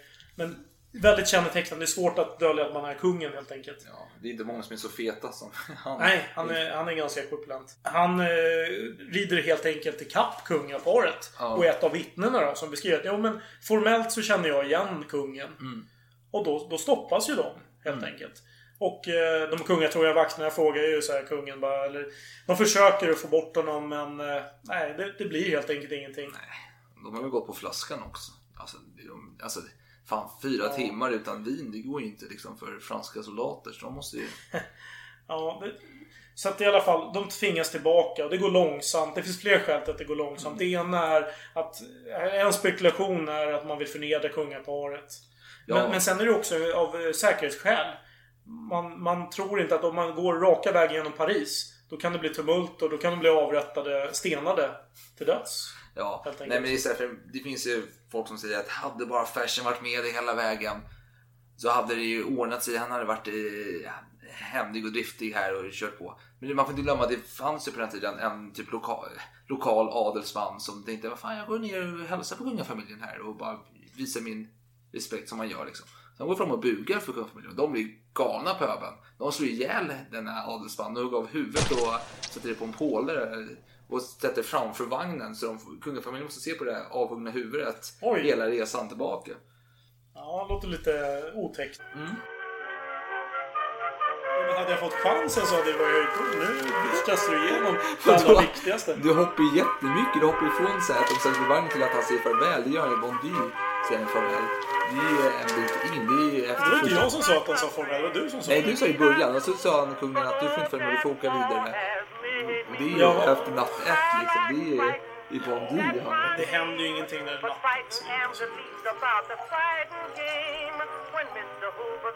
Nej. Men Fersen i alla fall, han lyckas ta sig över gränsen. Lite möda och lite besvär. Men han lyckas gå vidare med banditvägarna i skogen. Komma fram. Men han träffar Boye. Ja, Boye, vi har ju inte presenterat. Nej men Vi kommer inte presentera honom heller. Nej. Han är bara en viktig person. Eller hur? Är en royalist med i planen då? Och han ska ta hand om soldaterna och han har misslyckats med sin uppgift. Och men Fersen eh, träffar honom och får höra att det har gått åt helvete. När Fersen kommer till Belgien då. Och eh, han eh, skriver lite brev fram och tillbaka. Men inte till sin far. Men han får i alla fall den 4 juli får han ett brev från Marie. Han har gått runt och varit galen här och väntat. Så jag vet. Tänk dig paniken har. Hon skriver så här. Jag kan bara säga att jag älskar er och knappt ens det har jag tid med. Och Var det inte så att Gustav också väntade vid gränsen? Jo, han väntar med det. Han och Fersen måste ha gått runt där och bara Ja. tjurat och... Precis. Men, men pappa Axel, alltså han är ju orolig nu, pappa Fersen. Så han skriver ett brev till sin eh, yngsta son då, Fabian. Aldrig har ett brev anlänt mer lämpligt än ditt av den 5 juli. Jag var i dödlig ångest för din bror sedan jag läste utländska tidningar, detaljerna om Ludvig den XVIs flykt och nya häktande. Din bror har varit alltför nära bunden till de kungliga personerna för att ej ha varit med om komplotten och följderna för honom hade varit ohyggliga om han hade blivit gripen. Döm om min glädje över att få veta att han var med Monsieur i Bryssel. Jag pålägger dig, käre Fabian, att framföra mina tacksägelser till baron Armfelt för den uppmärksamhet han visat mig i detta tillfälle. Kanske hade det kostat mitt liv om jag ej erhållit denna upplysning som har lugnat mitt upprörda hjärta som är fullt av faderlig ömhet. Gör mig den glädjen att taga i detalj av baron Armfelt reda på allt som han för sig till det franska inbördeskriget och som rör min son. Du dör väl ej ändå av ansträngning om du använder några postdagar och rad för detta ändamål. Oron håller mig fången ända tills jag får brev av din brors hand ifall han befinner sig i frihet. Det är grymt av honom att hålla mig i okunnighet om det som rör honom. Ända till dess kan jag ej finna något lugn och jämvikt. Filosofin hjälper oss föga när hjärtat är angripet. Jag är imponerad över hur, hur han kan få någonting så varmt och låta så kallt. Som ett faderligt hjärta av... eh, Vad var det han sa nu? En faderligt hjärta. Ja, som precis. en- Men jag tycker om att han sitter och säger ganska gulligt och sen är mitt i så bara du dör väl ej ändå av ansträngning om du använder några postdagar. Ja, han är stenhård den här pappan. Jag kör standard eh, Ja. citat. Som sagt, det blir mycket som händer nu. Vi ska frita dessa royaliteter. Den här kungafamiljen ska bort från sitt helvete i Paris. De ska ut och återerövra sin makt i tronen. Och nu är det så här att Gustav III, han ska ju samla alla Europas monarker och kraftsamla mot dess, denna jävla pöbel och skitstövlar som håller på här. Så han behöver någon som åker till England och Fersen vet jag som är en britt här som kan funka jäkligt bra. En Quentin Crawford. Ja, just det. Mannen till kvinnan som han eh, frekventerar. Vi kommer till det lite senare. Och det är tack vare Axel då, som Crawford får en liten upphöjd position då, inom eh, diplomatin. Och kommer ha i framtiden. Och då får han ett brev utav eh, Marie. Hon skriver så här. När jag känner mig ledsen tar jag min lille son i knät och omfamnar honom av hela mitt hjärta och det tröstar mig för ögonblicket. Då kommer jag fråga sig här. Vi kan inte in på några detaljer här. Vi kommer till nästa avsnitt. Men hennes dotter då? Och varför nämner hon sonen i ett brev till Axel? Ja, det kan man undra. Det kan man verkligen undra. Och det är så att de har ju eh, kodade brev. Det är inte så att man skriver öppet. För det är, alltså, sånt kan vi inte hålla på med. Nej. Och ni som var på Livrustkammaren vet ju mycket väl Ja. hur det såg ut. Precis, och det var krypterade brev och man använde olika böcker som kodböcker. Krångligt. Ja, det var ju brev som bara beskrev hur man skulle koda. Ja, det var ju... Och avkoda. Ja, Och typ eh, beklaga sig bara jo men det är jäkligt svårt att avkoda. Vi, vi ändrar till det här istället. Och lite sådana saker. precis. Man hade ett system i början då. Jag kan inte gå in på detaljer för det blir för mycket. Mm. Är Men man hade en bok som hade förbestämt. Så hade man en siffra och då var det den första ordet på den sidan. Ja. Så hade man en kodavläsare. Så tog man bokstäver. Det fanns ett annan bokstav på en kodavläsare man hade bredvid. Då. Så skulle man koda Mm. Och så fanns det undantag. Det fanns vissa eh, teckenkombinationer innebär att du ska bara ignorera det Ja, helt och hållet. precis. Och det, det är jättekrångligt. Alltså Och då, det och då undrar man vilken kodbok hade de? Och enligt eh, Madame Campan så var det Paul Evergine av Bernardin de Saint-Pierre. Jag vet inte fan vad det är för bok. Skitsamma. Men en annan man som var med i flykten sa att han använde sig av en annan bok. Och samma kodord som han har använt Mm. återfinns i Marie och Axels eh, korrespondens. Då. Bara för, att liksom avsluta där Ja. med hur krångligt det var. Det, det finns ju en del brev som inte ens man har lyckats dechiffrera idag. Ja, Just för att det har varit så krångligt. precis. Och det, det, det är lätt att göra fel också när det är för krångligt. Ja, det är ju så. Men den boken som de, han använde som man då tror att Axel och Maria använde, det var ju Montesquieus De la Grandeur, et de la Decadence. Och det är så här, Axel han vill ju gå lite ännu mer avancerat. Han kommer med ett helt nytt system som var skitkrångligt. Men Marie var så här, nej fan det här går inte. Jag orkar inte. Jag orkar inte, vi kör ett vanligt och så började man använda osynligt bläck. Så det var mellan 87 och 91 som man använde osynligt bläck då främst. Och fram och tillbaka. Men den här kodningen, det var- höll ju på fram och tillbaka. Och det var ju, som du säger, det var ju jäkligt komplicerat. Och det var så att det tog ju tid att eh, avkoda det. Så de anställde ju folk som Oj. kom för att avkoda. Och Fersen fick ju en kille som hans gode vän Evert Taube hade sagt att akta dig för den man. För han hade ju varit i Köpenhamn innan. Han är en riktig skitstövel. Han sitter och eh, tror att han är bättre än sina herrar. Men Fersen tog honom i alla fall. Men han fick inte läsa de mest privata breven. Men, ja. men sen hände ju andra saker. Det är krig mot Österrike, fransmännen. Men hur kan de veta att det är privat förrän de dechiffrerat det? Ja, nej, men, för det är så här. För Axel och Maria hade jävligt många kombinationer. Ja. Det kunde vara att är det en punkt innan bokstavet så betyder det att... Kan det vara så här? Fersen tittar snabbt bara. Ja men det är det här krypteringsmetoden. Ja men då kan du låta den här, den här äckla mannen göra det. Ja. Det är okej. Ja, ja, mer eller mindre så. Men fransmännen förklarade krig mot Österrike och krav att de emigrerade prinsarna. För alltså adelsmän och prinsar hade ju flytt Paris. De hade ju när krigsväldet började.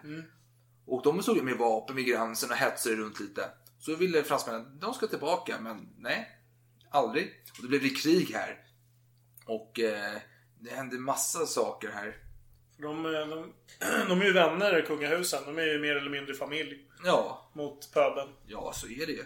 Och eh, Axel, han får ju åka runt där. Han ska prata med alla hov. Han pratar ju med eh, Leopold II, Österrikes kejsare. Marie Antoinettes Bror bror. Ja. Och han, ja, jo, vi kan väl, jo, men såklart vi ska anstränga oss här och, men nej, det blir inget av liksom. Det blir inte så här, lite krig, men det är inte så jävla, Fersen gillar inte riktigt bron heller. Nej, men, det- men han tycker ju ännu sämre om efterföljare. ja, jo. Och det är så att eh, Fersen, han är ändå soldat i själ och hjärta, så nu är hans dagbok, nu blir det mycket krigsobservationer. Eh, observationer. så är du intresserad av militärhistorik så Eller bokföring. Ja, det också. Men han måste i alla fall följa med eh, Leopold II till Prag när han ska krönas då. Och Fersen, han är ändå en, eh, alltså han gillar han är en kulturmänniska. Han har gått på operor flera dagar i rad, samma opera. Men nu under den här tiden så, det är inte lika mycket saker. Men han roar sig ändå att se en tysk komedi som heter Den kvinnliga jakobinklubbarna. Och han kommenterar en, en ganska rolig fars. Ja. Hans kommentar, ja. Känner igen det från en trailer. Ja, precis.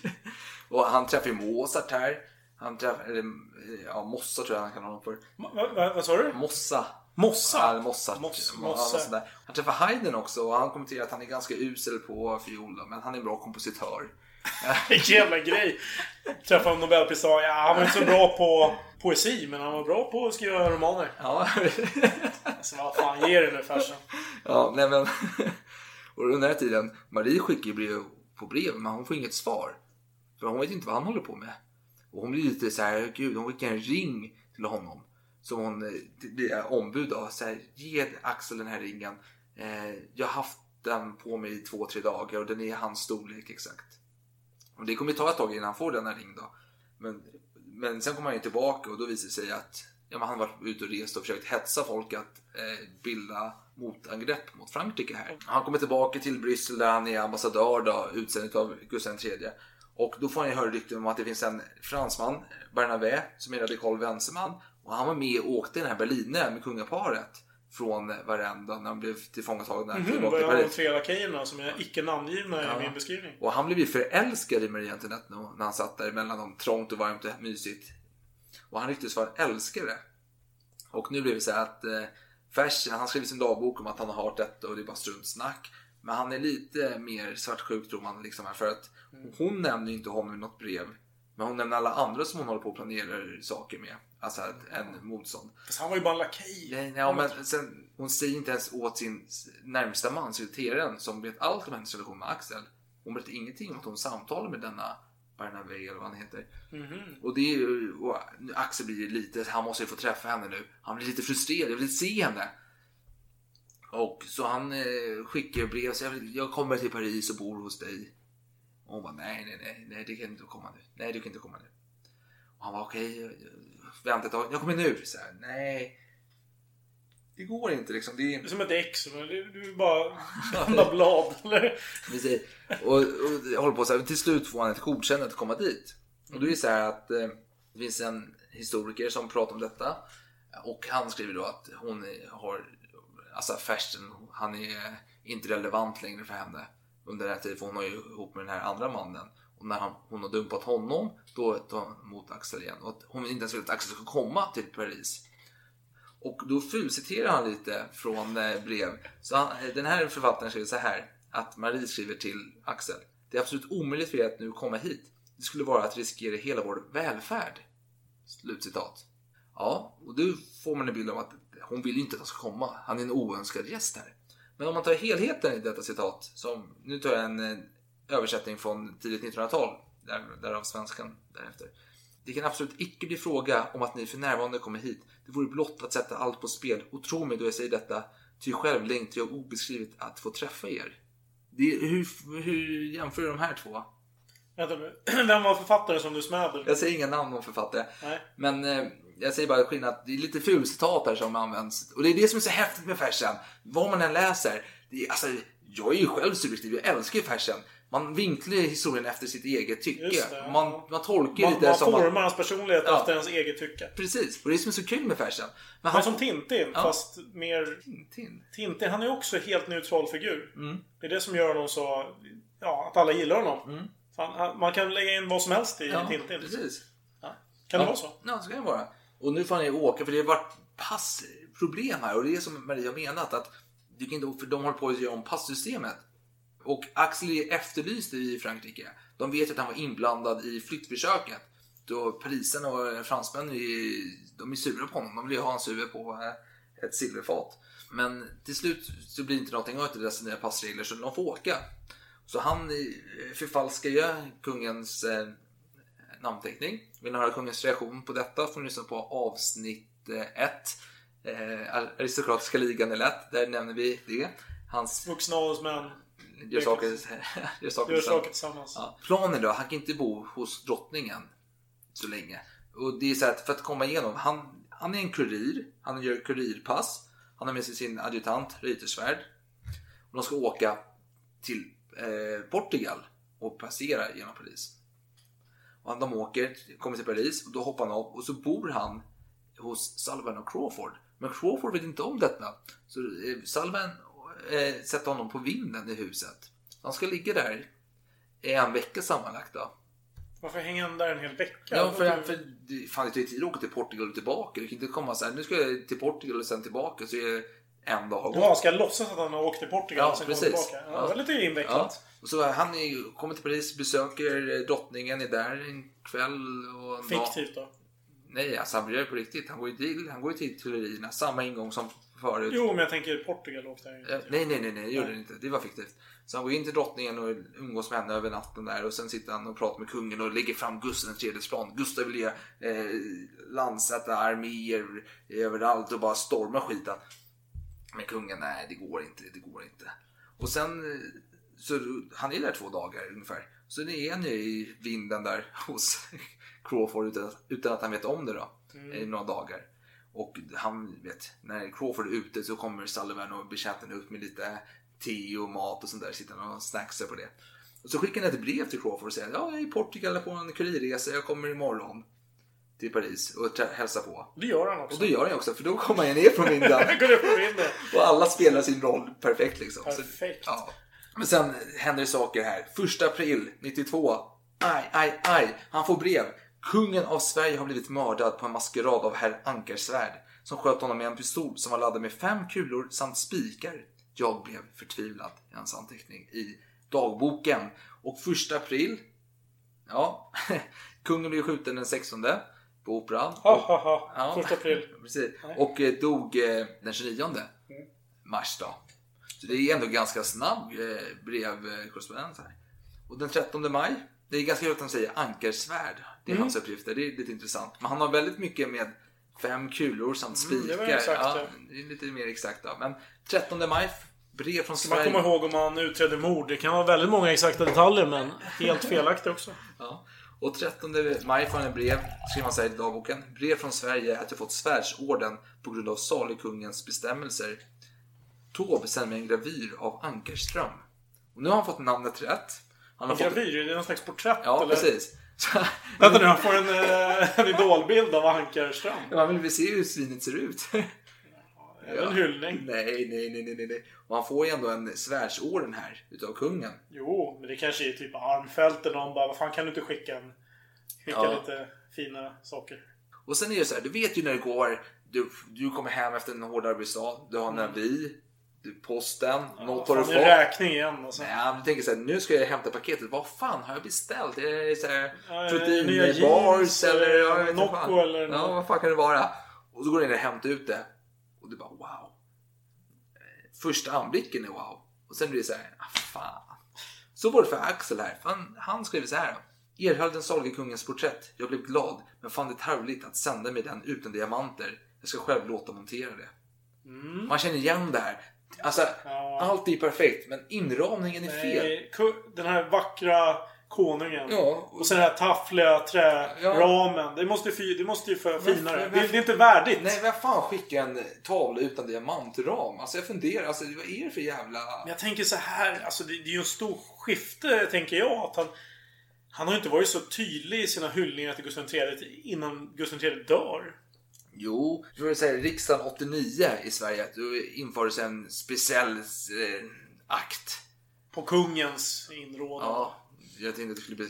Jaha, ja, du vill ha namnet? Förenings och säkerhetsakten. Ja. Och, det, och, det, Som eh, den eh, avpoliterade adeln, vissa privilegier. och då är Axels pappa, han var en av de här högljudda motståndarna till detta. Så kungen lät arrestera honom i Fredrikshov. Och där fick sitta. Och då blev ju Axel förbannad och han tänkte säga upp sig från sin eh, plats hos Gustav IIIs eh, garde. Och då sa pappa för sen. Nej, nej, nej. Det här, du återgår till kungens tjänst. Det här är min kamp. Du, gör, du fortsätter känna honom. Och detta visar ju ändå skillnaden på Fersen kontra andra släkter.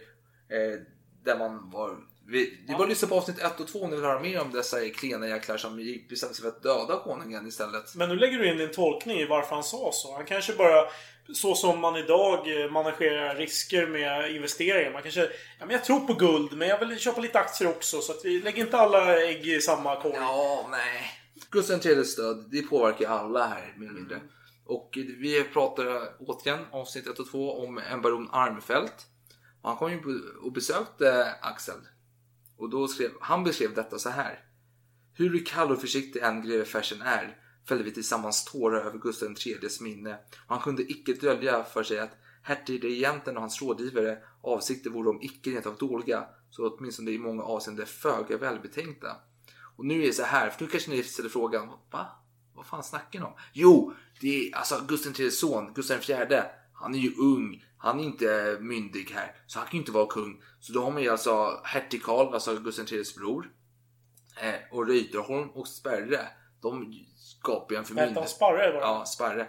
Och de skapar ju en förmyndarregering här. Mm.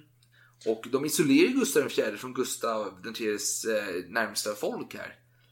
Men skulle inte du motbevisa det här med att eh, farsan inte var så blödig för Gustav III innan han faktiskt dog?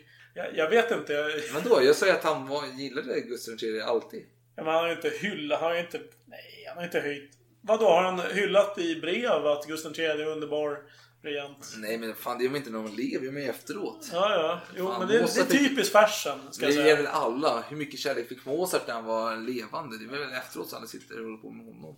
Ja, jo, förvisso. Även om han i och för sig hade någon form av. Okej då. Jag, jag köper det. Vi går vidare. Ja, det gör vi det.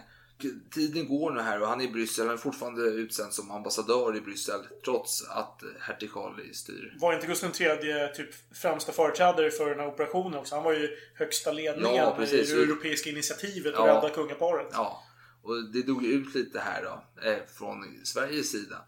Men nu blir det så här att det är lite hätsk stämning i Paris här. Och eh, precis som Löfven blir när man pratar illa om Sverigebilden i media utomlands. Så eh, blir Axel lite förbannad här. Så han, han, han, han blir galen här. Vad fan! Så nu tillverkas Braunschweig-manifestet. Och Braunschweig det är alltså Ferdinand Braunschweig som leder styrkor mot Frankrike. Och det är han som undertecknar det då. Som är Marquis de Le Mans och så vidare. Men det är Fersen som har skrivit det. Eller, eller grunden till det hela. Vet man förklarar krig mot republiken Frankrike. Och, och det är så här att grejen med det är att drar ni ett hårstrå på Mm. Eh, kungafamiljen så kommer vi bränna ner hela Paris och döda er. Liksom. Det är, Och om tänker dig själv, om du... nu vill jag bara göra en jämförelse här. Ja. Om du möter en eh, påtänd Christer Pettersson som precis har tagit massa amfetamin och, eh, och du börjar sparka på hans... Eh, en påse som han håller i, till exempel. Mm. Tror du att det kommer gå bra? nej, nej det tror jag inte. Och då är också de här som är lite skeptiska mot Fersen, en historiker, skriver att eh, Marie inte ville att detta skulle publiceras. Och då använde han ett eh, brev då, som Marie skrev den 9 juli. Som de skrev att militärt våld kommer försvåra vår situation. Hot om våld räcker. För hon menar då alltså att om våld, militärt våld, det tar för lång tid att komma in, in i Paris. Så bara hotet. Och men det De har inte helt missbedömt Jo, situationen. men det, men, det, men det, det säger ju inte emot Fersen och den här Braunschweig-manifestet. För det är det. Det är egentligen ett hot om våld. Jo, men det är inte någon som blir rädd. Folk är ju helt jävla galna den här nej. tiden. Och eh, Fersen skriver ju också lite senare så här. Drottningen och kungen önskar att detta manifest skulle släppas. Mm. Så är ju också lite att de var ändå med på tåget i detta. Jo. Och detta fick ju helt, helt galna reaktioner. Men det, det är ju så lätt att förstå. Om man tänker sig in i den här pöbeln. De är beredda att sätta sig mot sin egen kung. Ah, Och eh, framförallt för att eh, den här kungen anlitar eh, utländska trupper. Om då de utländska trupperna börjar hota, vad fan, de bryr sig inte skit. nej. De är ju verkligen beredda. De håller ju fan spett, sätter påle i huvudet på adelsmän som... Ja, ja. Nej, jag vet inte. Det är total missbedömning av situationen. Ja, men så är det ju. Och eh, då blir situationen för kungafamiljen blir ju svagare. De blir förflyttade till conciergefängelset eh, Eh, i eh, Paris då. Och då skriver Axel så här till eh, hans syster Sofie om att Maria har flyttat dit då. Efter ett ögonblick lever jag inte mer. Ty det kan ej kallas att leva när man lider så som jag nu lider. Om jag ändå kunde göra något, arbeta på hennes befrielse, tycks det mig att jag skulle lida mindre. Att stå med händerna i kors är det förfärligaste av allt. En hastig marsch mot Paris är det enda som finns att göra. Men jag är osäker om huruvida detta förslag ska bli antaget och satt i verkställighet. Så ohyggligt att vara tvungen att vänta och ingenting kunna göra. Jag skulle ge mitt liv för att rädda henne, men får det inte. Den största lycka jag kan tänka mig vore att dö för henne och denna lycka är mig förvägrad. Ack! Om blott icke dessa usla skurkar hade berövat oss den bästa av konungar. Gustav III vill säga. Hur djupt känner jag i just nu hela vidden av vår förlust. Han, ensam, hade varit i stånd att rädda henne. Hans upphöjda själ hade blivit exalterat av skildringen av hennes olyckor och han skulle hava vågat allt för att komma henne till hjälp. Men han är icke mer och det sista hoppet dog med honom. Adjö, kära Sofie. Bed Gud för henne och beklagar din förtvivlade broder. Oj, vilken helgonförklaring om den salige konungen. Ja. Ja, men det, ja men det, jag förstår ju honom. Gustav III var ju, eh, alltså han var ju, han, han, han agerade ändå när det skedde saker. Han, han var ju Guds nåde. Det här var ju allvar. Du kan inte sitta och jävlas med en annan utav Guds nåde. Det, alltså det, är- det är ju innersta kretsen liksom. Det är så är Det det. var kretsen av Guds nåde. Ja. Och sen händer det så att eh, det blir eh, januari 93. Vem dör då? Jo, Ludvig den 16 dör. Han åker i hans huvud. Och det blir nu i månader när Fersen får dödsbesked om Marie lite då och då. Det går rykten om att hon är död. Och han bara åh nej! Jaha, det var ingen fara. Okej, ja. Åh nej! Ja. Han har nog ståsats för det här laget. Jag har Ja. fått så många falska brev. Precis. Men sen får han besked om att hon har blivit mördad då, på hösten. Där, på tid. Laget. Ja, ja, mördad. Hon dog ju den 16 oktober då, eh, 93. Så, skrev, så här skrev han i sin dagbok. Det var den 16 oktober klockan halv tolv som detta ohyggliga brott begicks och Guds straffdom har ej slagit ned över dessa odjur. Jag var själv förvånad över att ej vara mer upprörd. Det föreföll mig som jag ej hade känt någonting. Jag tänkte på henne oavbrutet, på alla de ohyggliga enskildheterna av hennes lidande, på hennes barn, hennes olyckliga son, på hans uppfostran som nu ej kan bli fullbordad, på den dåliga behandlingen. Men kanske är underkastad på hur olyckligt det var för drottningen att ej har fått sett honom under sina sista ögonblick. På att hon kanske har tvivlat på mig, min tillgivenhet och mitt intresse. Denna tanke gjorde mig utom mig. Därefter tänkte jag på allt vad jag förlorat på så många olika sätt. Känslan, intresse, existens. Allt var koncentrerat i henne. Och allt är förlorat. Ja, jag tänkte om och om igen på allt och ingenting. Jag kände till och med i vissa ögonblick avsky från Elinor. Hennes känsla för mig var ej detsamma. Denna finkänslighet, denna omtanke, denna ömhet. För resten föreföll det även som skulle hennes känsla för mig ha blivit mindre. Jag kände mig ohyggligt olycklig och det föreföll mig som att allt varit slut. Och hos baronen på kvällen, han var mycket berövad. Jag tror mera för sin egen skull än på grund av sin tillgivenhet. Ingenting var så tungt som att skriva mina brev till Sverige på kvällen. Axel, han, han går in i lite känsliga depressioner. här, vet du. Han skriver så här. Det fruktansvärdaste är att hon kanske tvivlade på mig och mina känslor för henne. Han börjar känna lite arg mot fru Sullivan, alltså Crawfords eh, kvinna. För det är så att, vi har inte varit inne på det så mycket, men Axel, han hänger med detta sällskap, eh, Sullivan och Crawford, väldigt mycket. De flyttar ju till Bryssel de också. Och då, han eh, köper ju in sig hos dem. Han, han betalar för att sitta och äta där hela tiden. Och, Han gillar deras mat. Han Ja. gillar deras kock kanske. ja, och han, han har ändå en liten relation med hon då, fru Sullivan då Sägs det. sägs det. Och eh, man kan tycka att första dagboksinlägget här, det var lite, lite okänsligt. Alltså det var lite i känslor, men inte lika kraftfullt som man kanske förväntar sig. Men i ett brev till sin syster Sofie skrev han så här. Beklaga mig. Beklaga mig! Ingen annan än du kan förstå tillstånd i vilket jag befinner mig. Jag har nu förlorat allt vad jag haft i världen. Du ensam återstår mig. Övergiv mig inte du. Hon som utgjorde min lycka. För vars skull jag levde. Jag och min kära Sofie. Jag har aldrig upphört att älska henne. Jag kunde det inte. Ej för ett ögonblick har jag upphört att älska henne. Och allt i världen skulle jag offra för hennes skull. Jag känner det i detta ögonblick. Hon som jag älskade så. För vilken jag skulle kunna giva tusen liv. Finns inte mera. Ack, herregud! Varför ska du ligga sådan börda på mig? Varigenom har jag förtjänat din vrede? Hon lever ej mer. Min smärta är osäglig. Och jag förstår inte hur jag kan leva och uthärda min sorg. Den är sådan att ingenting någonsin skulle kunna utplåna den. Jag kommer alltid ha en spill för mina ögon, inom mig. Minnet av vad hon var för mig ska komma mig att begråta henne evigt. Allt är slut för mig. Varför fick jag inte dö vid hennes sida? Varför fick jag ej gjuta mitt blod? För henne, för dem.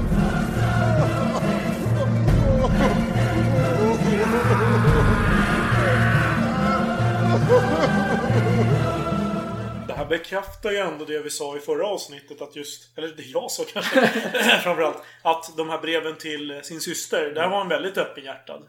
Men dagboken lite stelare. Mm. Ja, och det- till sin far uppenbarligen också lite stelare. Jo. Lite, ja, Han är, han är mer neutral i sina dagböcker, i känslomässigt. Eh, Det är ju lite... an- Alltså, han är Jag, ganska... jag tror det kan ha att göra med dåtidens eh, Mm. idealbild av hur man skulle vara. Att det är ju det som är eftervärlden. Det är ju det som står i ens dagbok. Ja. Och korrespondens till sin far såklart, för det går ju vidare. Men systern, det kanske är lite mer informellt. Mm. Tänker jag. Ja, nu hade jag tänkt vi skulle prata en hel del till här. Eh, men jag tror inte vi hinner det. Det har gått ganska långt på klockan. Så vi får ta det i del tre. Helt enkelt, tänker jag. Ja, det får jag väl acceptera. Ja, så jag hoppas att jag har fått ut någonting utav detta. Jag är besviken för jag tycker flykten skulle ha mycket större del här. Men det, det, det är en intern diskussion vi får ta efter, efter att vi har stängt Ja, av fan, du får mikrofonen. prioritera detta. Det är ju fashion som är intressant, inte vad massa jävla franska generaler och andra lös, lösenmän. Yes. Det var väl okej. Ja, men tack för att ni har lyssnat. På återseende Mm, om tack två så mycket. veckor. Hej hej!